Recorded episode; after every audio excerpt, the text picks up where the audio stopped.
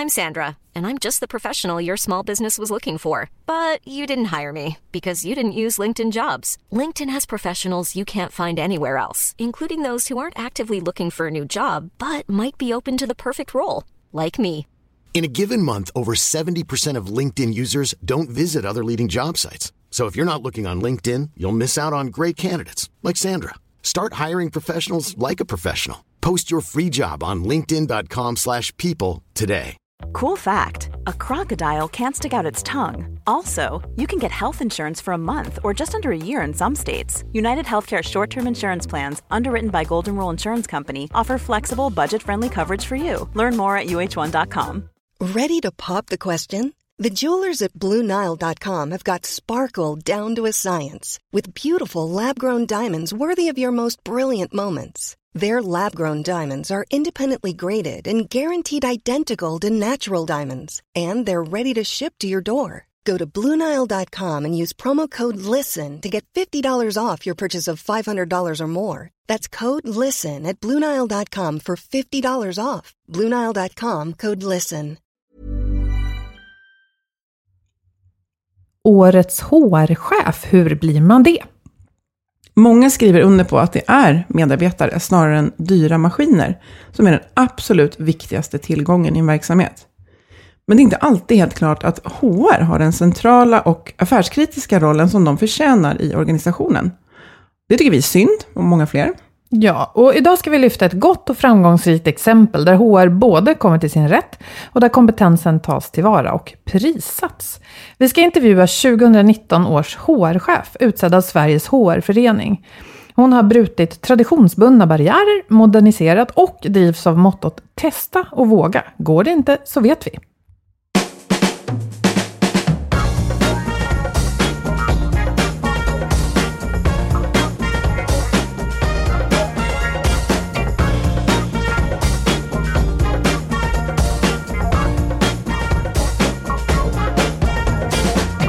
Du lyssnar på Health for Wealth, en podd om hälsa på jobbet.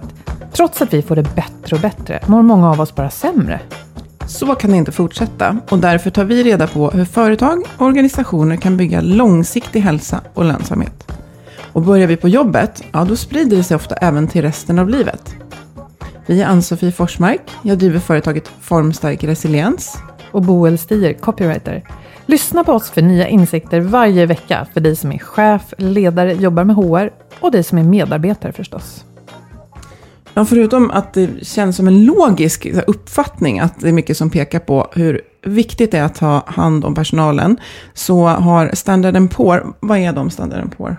Gör inte de så här värderingar av Ja. eh, företags eh, liksom, marknadsvärde och sånt? Eller hur? Eller? Typ Mm, tror det. kreditvärderingsinstitut kallar man dem. för. Ja. De har i alla fall beräknat att marknadsvärdet, alltså eh, på materiella tillgångar som andel av totala tillgångar, det har minskat från 1985, då det var 68 procent, till 13 procent i genomsnitt idag. Och det betyder alltså att immateriella 13 tillgångar... var lågt. Ja, det har alltså ökat i andel som värde, alltså goodwill och sånt. Och det är ju personalen som, som står för det såklart. Och ehm, Gallup, eh, som vi också använder mycket för statistik, de menar att de här de immateriella tillgångarna, de behöver mer fokus och då är det framförallt personalen man behöver fokusera på för både tillväxt och högre marknadsvärde. Eh, Jag kan känna att det, det känns lite konstigt att prata om eh, personal som, som en tillgång. Jag har ju bakgrund inom bokföring. Eh, Men ehm, det är, ju, det är ju den tillgången. Alltså när personalen går hem så är det lite svårt att skapa Då går, värde. då går hjärnorna hem och då går kunskap hem. Mm, även om vi pratar om automatisering och digitalisering och maskiner som gör grejer, så är det ju människorna som skapar värdet. Mm. Och det är ju HR, eller personalavdelningen, eller vad man nu väljer att kalla den för. People Som- and Culture Department. Ja, precis. Lyssna på vårt förra avsnitt, Ja. om ni vill ha ett gott skratt. Eh, nej, men det är ju där kunskapen finns om hur man utvecklar människor. Och det vore ju där, därmed helt logiskt och affärsmässigt klokt att HR har en central roll i verksamheten. Men så ser det inte ut överallt. Och vi vill gärna lyfta fram exempel där HR kommer till sin rätt, så det ska vi göra idag. Och vi är glada att vi samarbetar med Twitch Health och de är väldigt måna om att jobba med det som funkar på riktigt. Och vi ska ta upp mindfulness som är något som, alltså ja, det kan ju uppfattas som en trend, men det har ju en tusenårig historik. Och Twitch, eh, som sagt, vill jobba med sånt som är forskningsbaserat och liksom evidensbaserat. Så, och de använder och, och jobbar med mindfulness. Mm. Jag kan ibland vara trött på själva ordet. Mm. Just för att det känns lite så trendigt. Oj, oj, alla ska hålla på med mindfulness. Men egentligen, egentligen är ju det jättehärligt. Ja, och de lyfter fram positiva effekter från forskningen. Eh, för det är ju att vara närvarande i nuet. Och eh, enligt en studie från Harvard till exempel så visar det sig att vi är frånvarande hela 47 procent av vår vakna tid. Alltså jag gissar att vi är mentalt frånvarande, för fysiskt är vi väl gissningsvis, gissningsvis någonstans. So far. Om några år finns det väl lösning på det också. Ja. Eh, så vi har nog tankar någon annanstans än där vi faktiskt är. Och en högre grad av närvaro och fokus gör att vi presterar bättre, blir mer effektiva. Vi minskar också stressen. Så det är lite oroande siffror, tycker Twitch. Och vi håller med. Mm. Och det kan ju vara en lösning att träna meditation på företaget. Det finns förstås mycket annat bra man kan göra. Men om du är nyfiken på det här så vet Twitch mer om hur man kan jobba med det. Precis som när det gäller fysisk träning så krävs det regelbundenhet för att få effekt.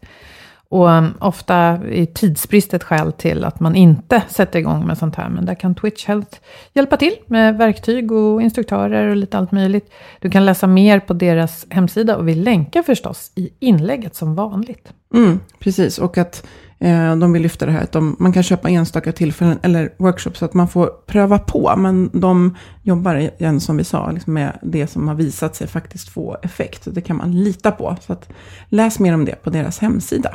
Mm. Nu välkomnar vi Hanna Bergfeldt. Välkommen! Tusen tack! Du är HR-chef på Elgiganten och 2019, som när vi pratar nu redan är någon vecka bort faktiskt, mm. fick du Sveriges HR-föreningspris Årets HR-chef. Ja. Och vi läste om det och läste motiveringen och då blev vi verkligen nyfikna på att intervjua dig. Och där stod det i motiveringen nämligen så här. Årets HR-chef 2019 är en modig, kreativ och affärsorienterad ledare som ständigt bryter ny mark. Med stor målmedvetenhet och uthållighet har hen brutit traditionsbundna barriärer med uppdrag att modernisera företaget och utveckla verksamheten. Årets pristagare har genom sitt skickliga ledarskap och affärsfokus bidragit stort till att företaget nu på ett tydligare sätt kännetecknas av mångfald och en sund arbetskultur. Med mottot testa och våga, går det inte så vet vi. Alltså, känner du igen dig i den här arbetsbeskrivningen? Ja, till viss del eh, gör jag ju det såklart. Det här med att testa och, och, våga, det känner jag absolut igen mig i. Sen blir man ju väldigt ödmjuk när man hör de där orden. Eh, så jag känner mig framförallt väldigt smickrad. Det tror jag är det bättre ordet faktiskt för det. Men otroligt glad och tacksam för den utmärkelsen. Jag tänker att det här med affärsfokus, att det finns med också. Ibland när vi pratar om hälsa och människor, så kan man förledas att tro att det inte det är lönsamt, eller att det inte har med hårda siffror att göra. Mm. Hur har du fått ihop den delen? Nej men för för oss är en hel självklarhet. Om, om vi säger så här att Elgiganten har två huvudpersoner. Det ena är naturligtvis kunden. Vi vore ju ingenting utan våra kunder. Eh, men vi tror ju inte att vi når våra kunder utan våra medarbetare och vi måste börja med dem. Vi har produkter som man kan köpa via nätet eller hos eh, konkurrenter. Vi har väldigt få egna produkter och det som vi kan erbjuda våra kunder då som är det här extra, ja men det är ju våra medarbetare. Och därför är det helt avgörande för oss att vi fokuserar på dem och sätter dem i det centrum som de förtjänar att vara i. För vi ser det som en konkurrenskraft eller en förutsättning för att överhuvudtaget existera. Mm. Så egentligen inte svårare än så. Mm. Och det känns som att du var ganska väl rustad och, och, och ta dig an det här uppdraget som du hade på Elgiganten. Vill du berätta kort vad du har gjort innan och bakgrund? Så. Ja, men kort kan jag väl säga att jag, jag, om du tänker bakgrund utbildningsmässigt så är jag personal, eh, personalvetare från Stockholms universitet. Det känns ju som en evighet sen, men, men sen har jag jobbat i olika verksamheter. Jag började min resa inom eh, IT eh, och ett IT-konsultbolag. Eh, en utmaning skulle jag säga som, som gjorde att jag funderade på, men gud, ska jag, ska jag jobba med HR överhuvudtaget? Är det här min grej? Mm. Eh, till att sen komma in i finansbranschen som också var en helt annan värld. Eh, och där blev jag kvar i nio år faktiskt. I olika positioner olika roller. Där det slutade att jag hade ett nordiskt ansvar då för en verksamhet. Och det var världens bästa skola. Jag skulle säga att det, det ersätter alla utbildningar i världen. För det, jag kom in i det företaget när vi skulle bygga och etablera, rekrytera, skapa rutiner, skapa eh, struktur för HR-arbetet. Till att sen vara med på en framgångsresa som, som sen vände och slog då i finanskris och annat. Så då blev det både övergång av verksamhet och nedläggning. Så pratar man HR-termer så var det världens bästa skola. Du har gjort allt med andra ord. Ja, ja, faktiskt. Och framförallt så fick jag den bästa chef som, som jag någonsin har haft fram till idag, där jag också har en fantastisk ledare. Men som, som trodde väldigt mycket på mig. Och jag kände att jag var en, en, inte jättestor tjej här i världen, ganska kort och, och, och lite sådär. En tjej med hästsvans och, och, kom in där och fick ett par för stora skor. Men han trodde på mig och han mm. utmanade mig. Så min första, jag kommer ihåg, jag hade ett eh, utvecklingssamtal med honom och då, då satte han som mål på mig att jag skulle göra så många fel som möjligt. Mm. Och så skulle jag mätas i det för att se vad jag hade lärt mig och vad, vad eh, som jag kunde ta med mig av det. Det var till och med så att jag fick bonus på grund av hur många fel jag gjorde. Men vilken cool chef. Ja, verkligen. Han, han var så mm. fantastisk. Ja, men det var han verkligen. Och det var ju helt rätt för mig. För att jag, jag var nog som person så att jag inte ville göra så mycket fel. Mm. Eh, men, men det gjorde ju att, att jag fick förståelse för att, ja, men för att skapa en förändring så måste vi också göra lite fel. Vi måste mm. våga kliva ur vår comfort zone ibland och, och sådär. Eh, så det var en fantastisk eh, erfarenhet för mig. Mm. Och därefter så eh, har jag utbildat mig inom kognitiv beteendeterapi, KBT även jobbat lite grann terapeutiskt med det, men, men framförallt så kom jag sen vidare in i retailvärlden och var HR-chef på, på Gant under en tid innan jag kom in då på Elgiganten 2017. Mm. Och där är jag nu. Där är du nu. Ja. ja. Vad var det som lockade med Elgiganten utmaningen där? Ja, men Elgiganten tror jag att jag skulle säga att jag inledde min resa på Elgiganten som, eh, som en förälskelse, jag har sagt vid något tidigare tillfälle, och folk undrar vad det handlar om. Mm. Ja, men det handlar om att jag mötte flera personer som fascinerade mig så mycket. Och det fanns en sån otrolig glöd i de människorna. Eh, både en stolthet, men också ett driv och en passion och, och en otrolig lojalitet mot varumärket. Eh, och det kände jag att jag blev liksom lite fångad av. Det var det ena. Det andra var att jag kände inte jätte jätteväl till vilka Elgiganten var som arbetsgivare. Men när jag kom innanför dörrarna och fick en känsla för det och allt bra som man gjorde, ja, men då blev jag så fascinerad och så kände jag bara att ja, men här vill jag vara. Det här företaget vill jag vara en del av. Mm. Och så känner jag fortfarande. Det, vi har otroligt många kompetenta, lojala och eh, vad ska man säga, hängivna medarbetare som har jobbat länge hos oss. Och det står liksom Elgiganten i pannan, eller de har den här lilla mm. swooshen nästan. Mm. Eh, och det är otroligt fascinerande att få vara med där. Du berättade att innan fick du vara med om hela cykeln, från att mm. bygga framgång och sen nedgång. Mm. Här klev du in i ett sammanhang som du i alla fall upplevde som starkt och bra. Ja. Det finns ju fallgropar med det, för hur, ja. hur lyfter man det? Alltså, vad, vad ja. tänkte du att du ville göra då när du klev på den rollen? Nej, men jag vill börja med att säga att de, mina företrädare som, som jag har förmån att eh, lära känna lite grann efteråt, jag har jobbat lite med dem och sådär efteråt också, eh, hade gjort ett fantastiskt jobb. Eh, otroligt starkt och lämnat stora avtryck. Och då kan man ju faktiskt få lite prestationsångest. Eh, och med det sagt vill jag också säga att jag ibland blir illa berörd när man är på föreläsningar eller sådär, när folk pratar om att ja, men här var ingenting gjort och så skulle jag komma in och rädda. Jag tycker mm. det låter så otroligt illa. Eh, För låter det som att det är en persons verk? Ja, lite sådär. Det, så tycker jag. Men, men med det sagt så menar jag verkligen att, att Anna som var min företrädare och, och Magnus dessförinnan, eh, de hade gjort ett fantastiskt jobb. Ehm, så att jag kände lite, vad ska jag göra här? Det, vad kan jag bidra med? Men det jag insåg det var ju att ja, men jag kände ju inte till allt det här bra som de hade gjort. Så det ena var att faktiskt också bestämma sig för vad vill vi stå för som arbetsgivare? Vilka vill vi vara? Och hur ska vi nå ut med det till alla andra som inte känner till det? Det var ju det ena. Och det andra, det handlade om eh, det här med att få in en bättre balans av mångfald i vår organisation. Och då kunde vi se att om vi tittar mångfald så kan man ju se på massa olika eh, perspektiv. Men där det var mest obalans hos oss, det var ju på könsfördelning. Och eh, där vi speglade antalet eh, kvinnor utifrån hur många som söker till oss. Så, så det var inte snett utifrån att, att vi bara rekryterade killar. Men, men vi behöver bli mer attraktiva för kvinnor. Så det var ju en av de delarna som jag bestämde mig för att jobba med. Men vad roligt. Och vad, vad ja. gör man då? Hur ja, lyckas ja. det?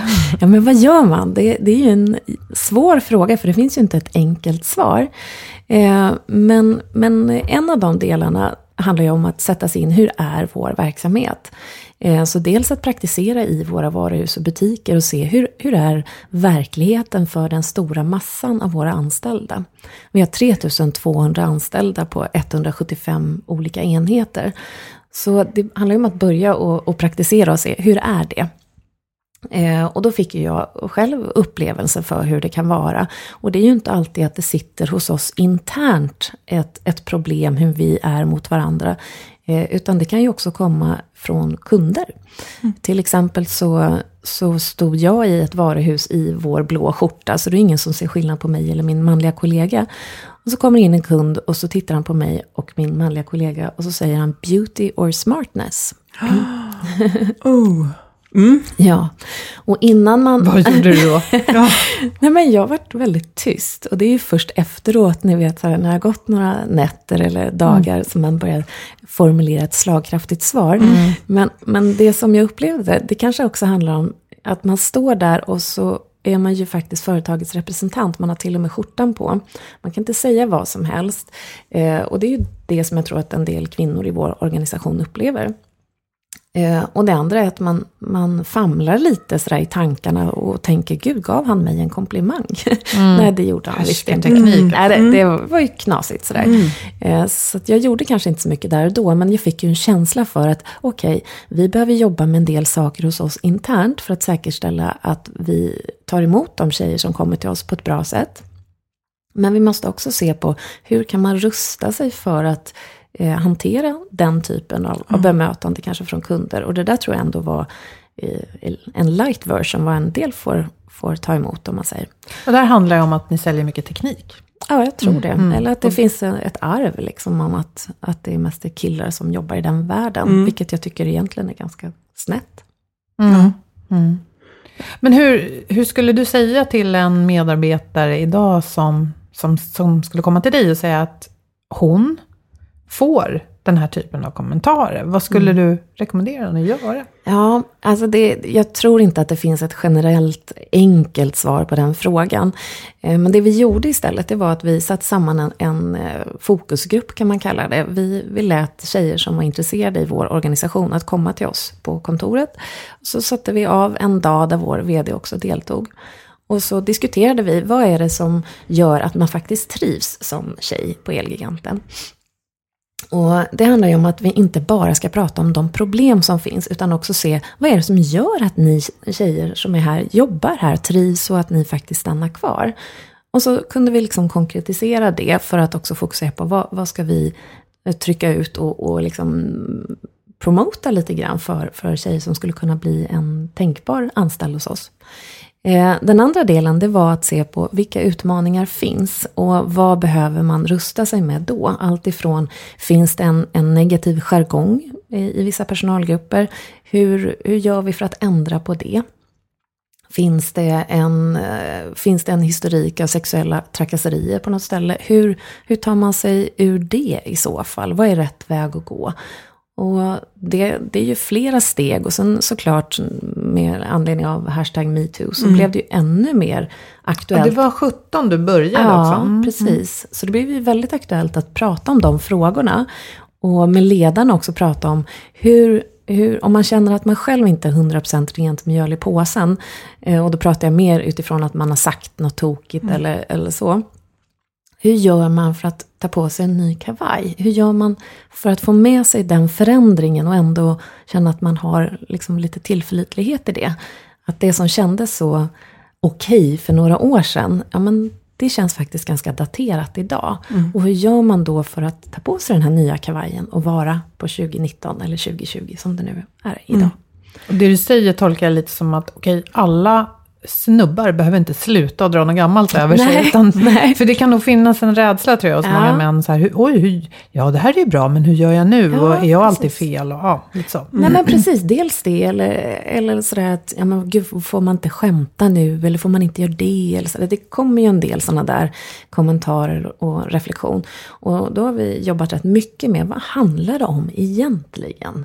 Eh, det handlar inte om att bli rädd för vad man säger eller, eller vad man gör, utan det handlar om att, att diskutera de här frågorna och veta hur agerar man om det inte känns bra? Vad är faktiskt en kränkning till exempel? Så det har vi jobbat eh, mycket med skulle jag säga hos oss.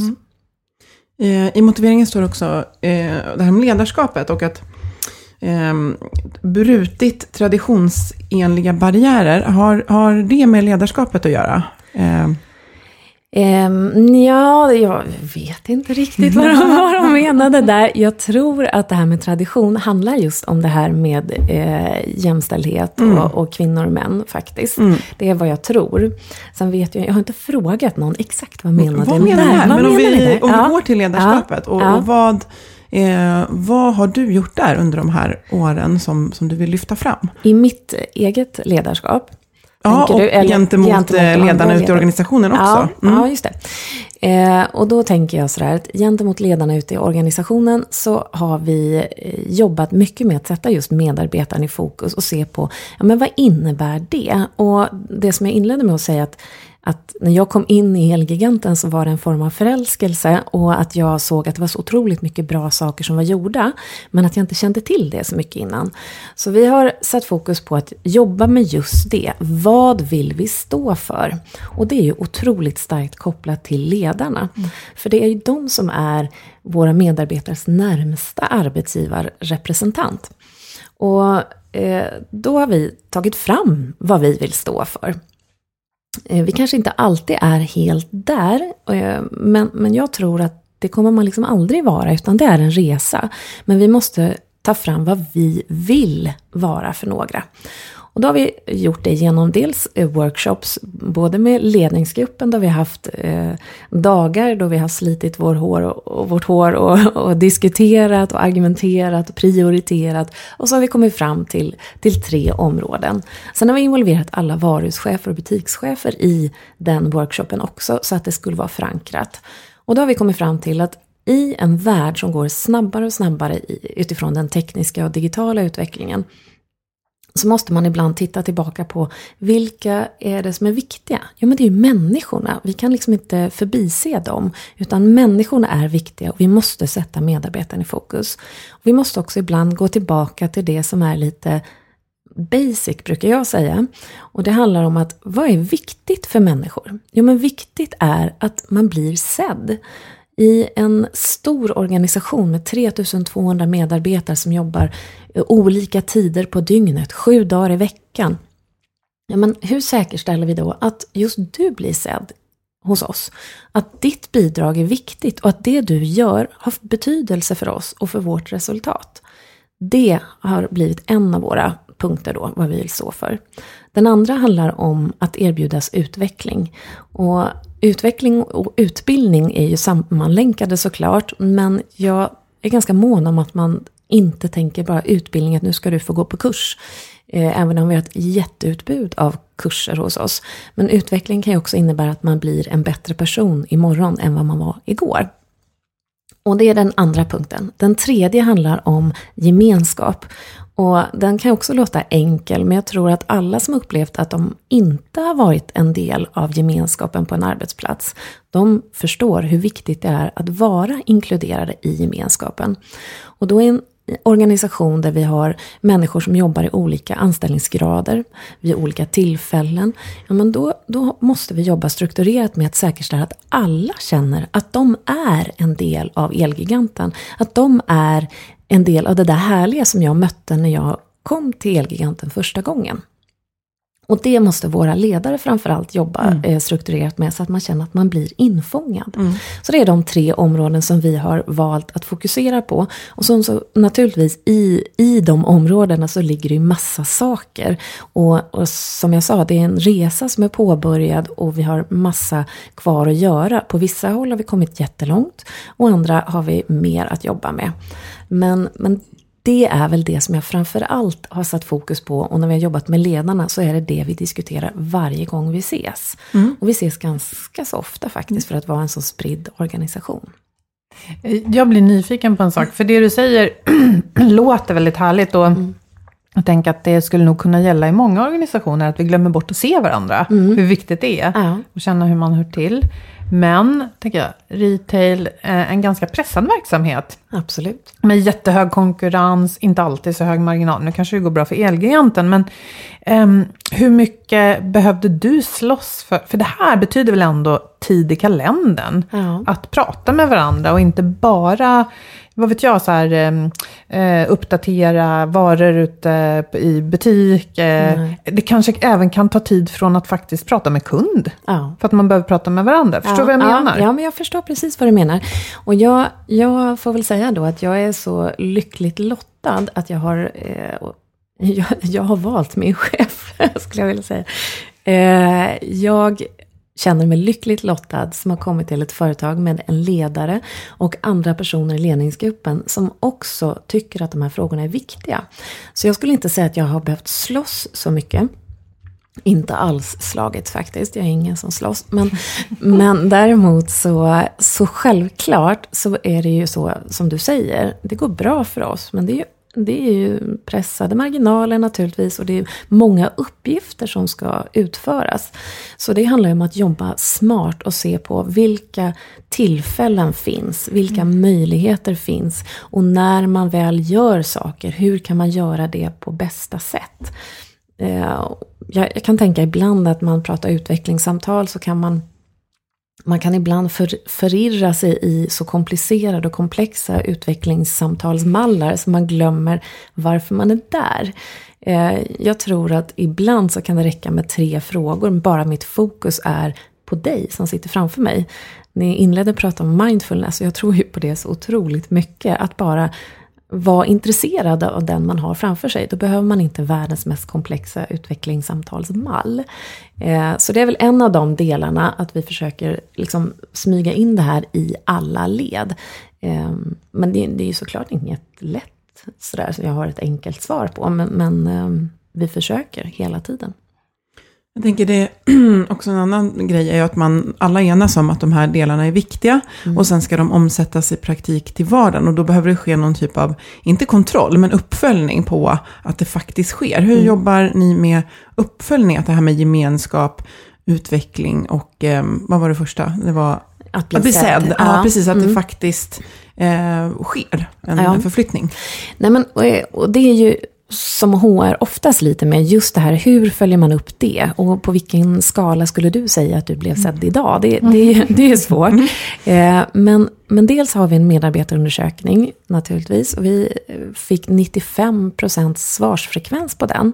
Och då, om man återigen tänker på i retail-Sverige, mm, 3200 anställda som jobbar olika tider, så är det en fantastisk svarsfrekvens och eh, tyder på ett stort engagemang hos våra medarbetare. Man vill göra sin röst hörd. Och när vi tittar på resultatet av dem, ja men då kan vi också se vissa områden som vi kopplar till det här som vi har valt att fokusera på.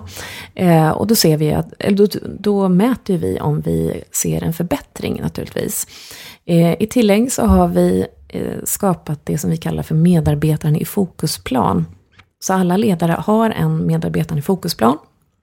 Så har vi kommit överens om ett par aktiviteter inom varje område som alla ska göra. Så har vi tänkt att ja, men om alla gör det i det lilla så kommer det få en större effekt på, på helheten. Och sen får man då som ledare själv lägga till delar som man tycker är viktiga eller som man känner att ja, men just min personalgrupp har behov av, eller i alla fall jag, där jag är på, på min utveckling, behöver göra de här sakerna. Och därefter, förlåt, Nej, men därefter så har vi då regionchefer som, som eh, också har det här på sin agenda och följer upp. Eh, såklart att det blir gjort. Vad kan det stå på listan i en sån plan? Mm. Eh, det, var ju, det var en ganska given följdfråga. och jag satt redan och började leta i mitt lilla så här, arkiv. Vad var det som stod nu senast? Eh, till exempel så har vi sagt att alla ska ha en utvecklingsplan. Alla anställda ska ha en utvecklingsplan. Och det innebär ju att man ska se på vilka av våra utbildningar ska man ha gått under nästa år? Eller vem ska man ha gått dubbelt med? Eller vad är det för mål man själv har? Vilken roll vill man ha så småningom? Eller vad skulle jag vilja utveckla hos mig själv? Det kan vara alla de delarna. Och så att man tappar aldrig att frågan nej. hålls vid liv i dialogen med chefen? Nej men precis. Och har alla en utvecklingsplan så tror jag att vi fångar in båda de här områdena, att bli sedd, för då är ju jag sedd av dig. Den andra delen handlar om att ja, men erbjudas utveckling, som vi också sa.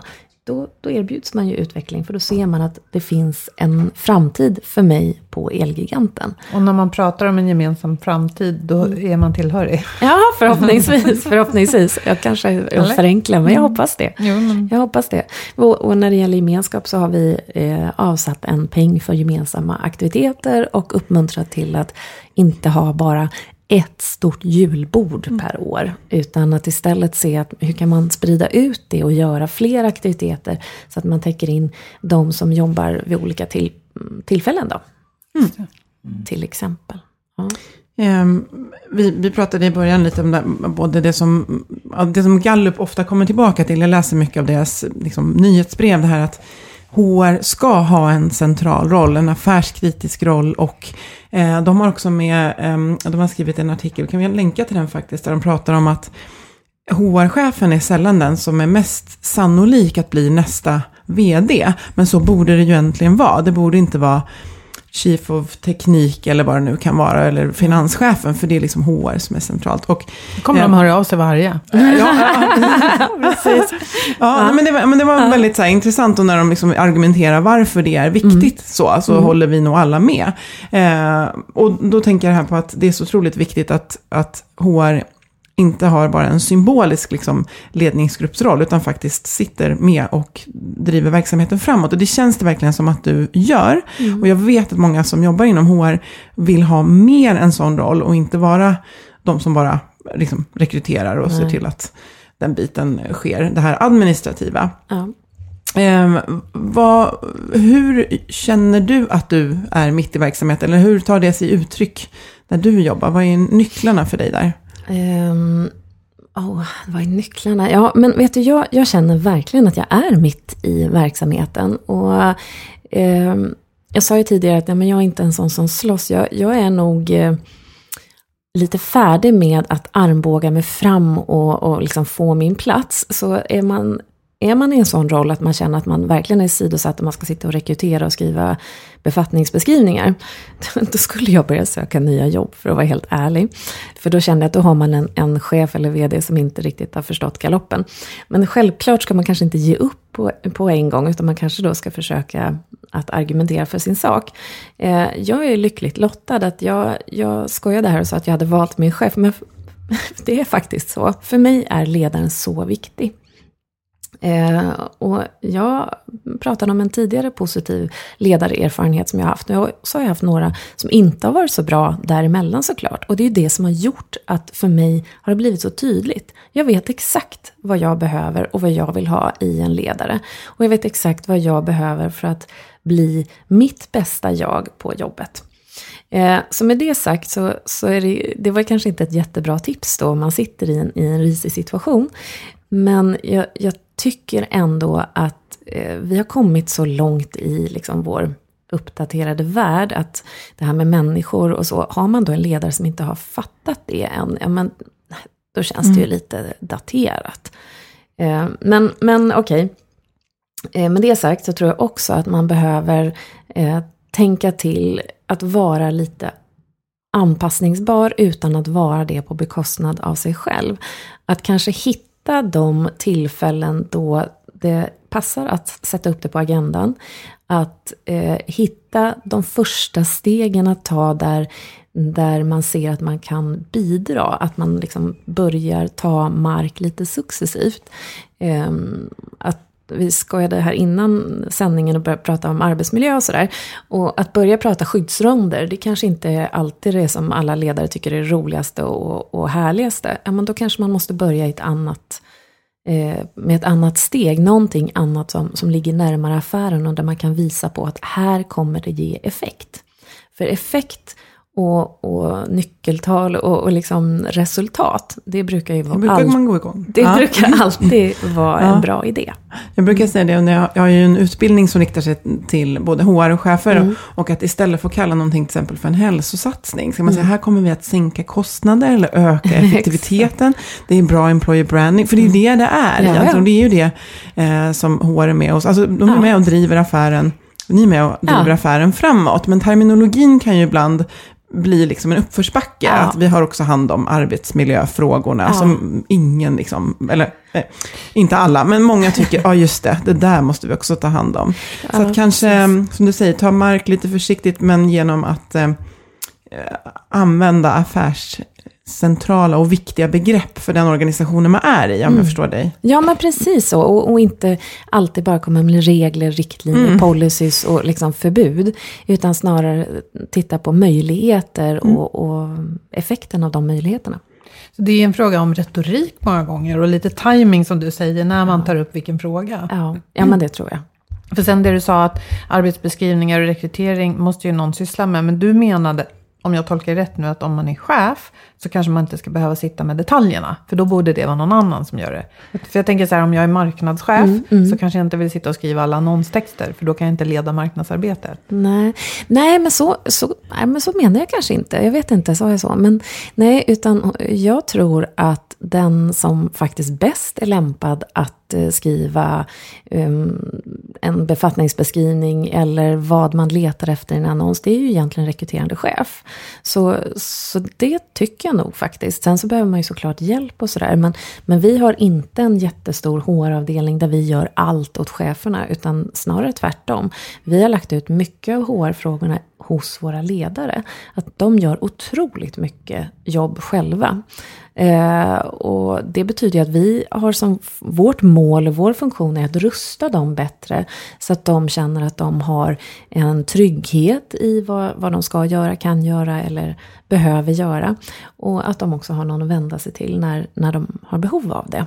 Men väldigt mycket av de här klassiska liksom, HR-frågorna, de ligger hos ledarna hos oss och har blivit ledarfrågor. Så, så funkar det hos oss. Mm. Härligt. Mm.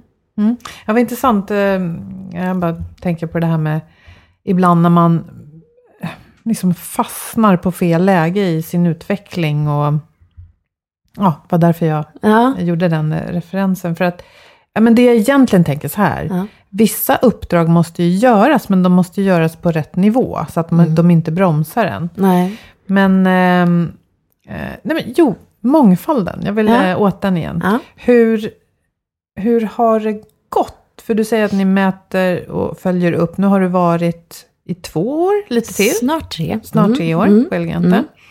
Och målet var att prata om er själva, kanske på ett nytt sätt. Och Mm. möjligen så att kvinnor kände sig mer lockade att jobba hos er. Mm. Har ni lockat mer tjejer? Ja, jag skulle ju önska att jag vet du, nu är 70 procent av alla kvinnor. Nej, eh, vi får inte så hemskt många fler kvinnliga ansökande, tyvärr. Det får vi inte. Vi har fler kvinnor på ledande positioner, det har vi. Vi har också mätt det här med eh, om man upplever ovälkommen sexuell uppmärksamhet, till exempel de här eh, OSA-frågorna. Eh, och där har vi sett en, en stor förändring, eh, där vi har gått åt ett mycket bättre resultat. Mm. så, att, så att vi ser att vi knappar in och tar steg.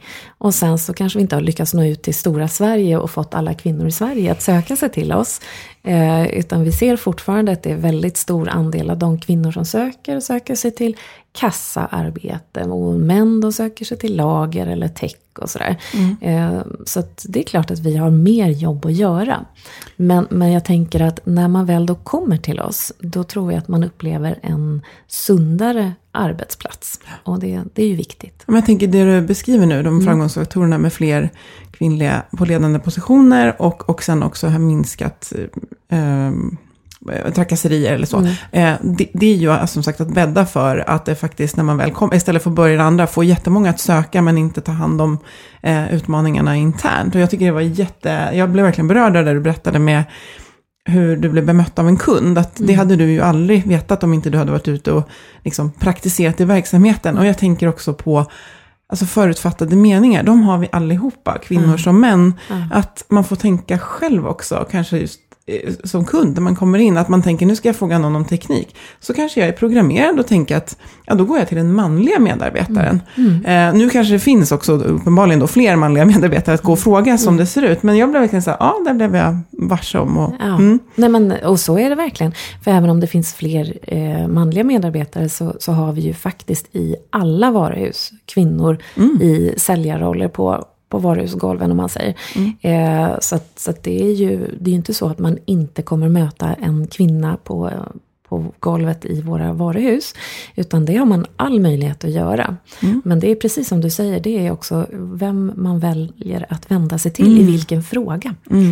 Kan vi inte ta med oss det här? För att vi är ju alla kunder någon Ja, gång. Och det kan ju också gälla det motsatta förhållandet, tänker jag. Att om jag går in i en sminkbutik, Ja. att jag kanske frågar killen som jobbar där. Ja. För han kanske upplever samma sak. Ja, Kan vi inte liksom Mm. säga att vi ska göra, vi ska testa och göra lite annorlunda Ja. dagens Ja. utmaning. Våga Absolut. testa, vad vad var ditt motto som var så fantastiskt? Nej, men, Våga testa, funkar det inte så vet vi. ja, Ja. precis. Nej, men vi vet ju inte om vi inte har vågat testa. Och, och för, för mig är det jätteviktigt.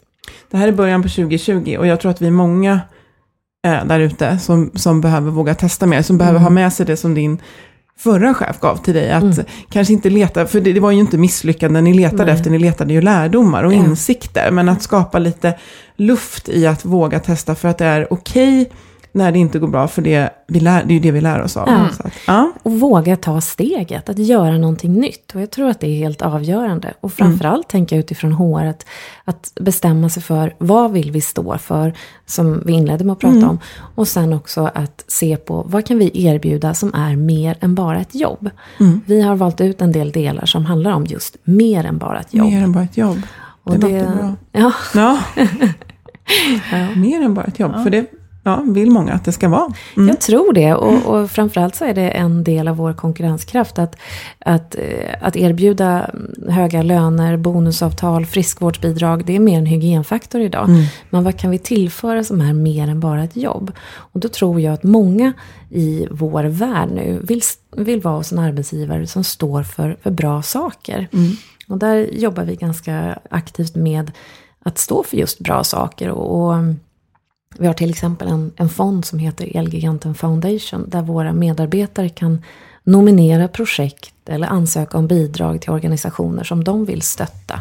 Så får de vara avsändare då. Vilket innebär att det skapar en stolthet och en härlig känsla för, för våra medarbetare.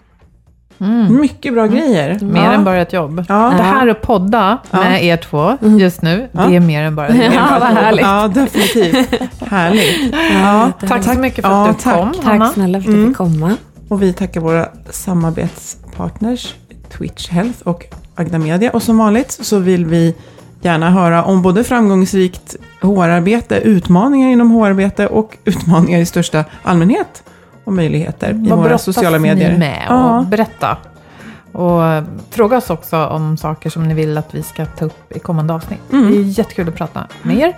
Särskilt mycket pratar vi gärna på LinkedIn, men vi finns också på Facebook och på healthforwealth.se. Tack. Hej, Tack hej! så mycket. Tack. Hej då.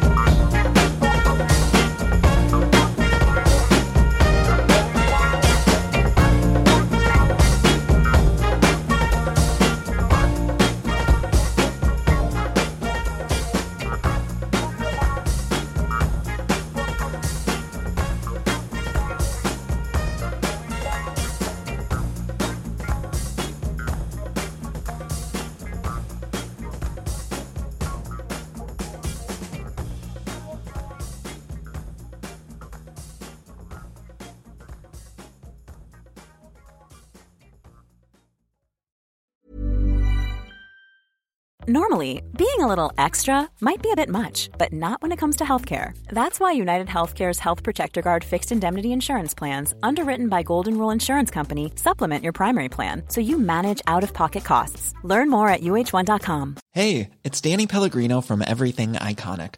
Ready to upgrade your style game without blowing your budget? Check out Quince. They've got all the good stuff shirts and polos, activewear, and fine leather goods, all at 50 to 80% less than other high end brands. And the best part? They're all about safe, ethical, and responsible manufacturing. Get that luxury vibe without the luxury price tag. Hit up quince.com slash upgrade for free shipping and 365 day returns on your next order. That's quince.com slash upgrade. Hey, it's Paige DeSorbo from Giggly Squad. High quality fashion without the price tag. Say hello to Quince. I'm snagging high-end essentials like cozy cashmere sweaters, sleek leather jackets, fine jewelry, and so much more. With Quince being 50 to 80% less than similar brands. And they partner with factories that prioritize safe, ethical, and responsible manufacturing. I love that. Luxury quality within reach. Go to quince.com slash style to get free shipping and 365 day returns on your next order. Quince.com slash style.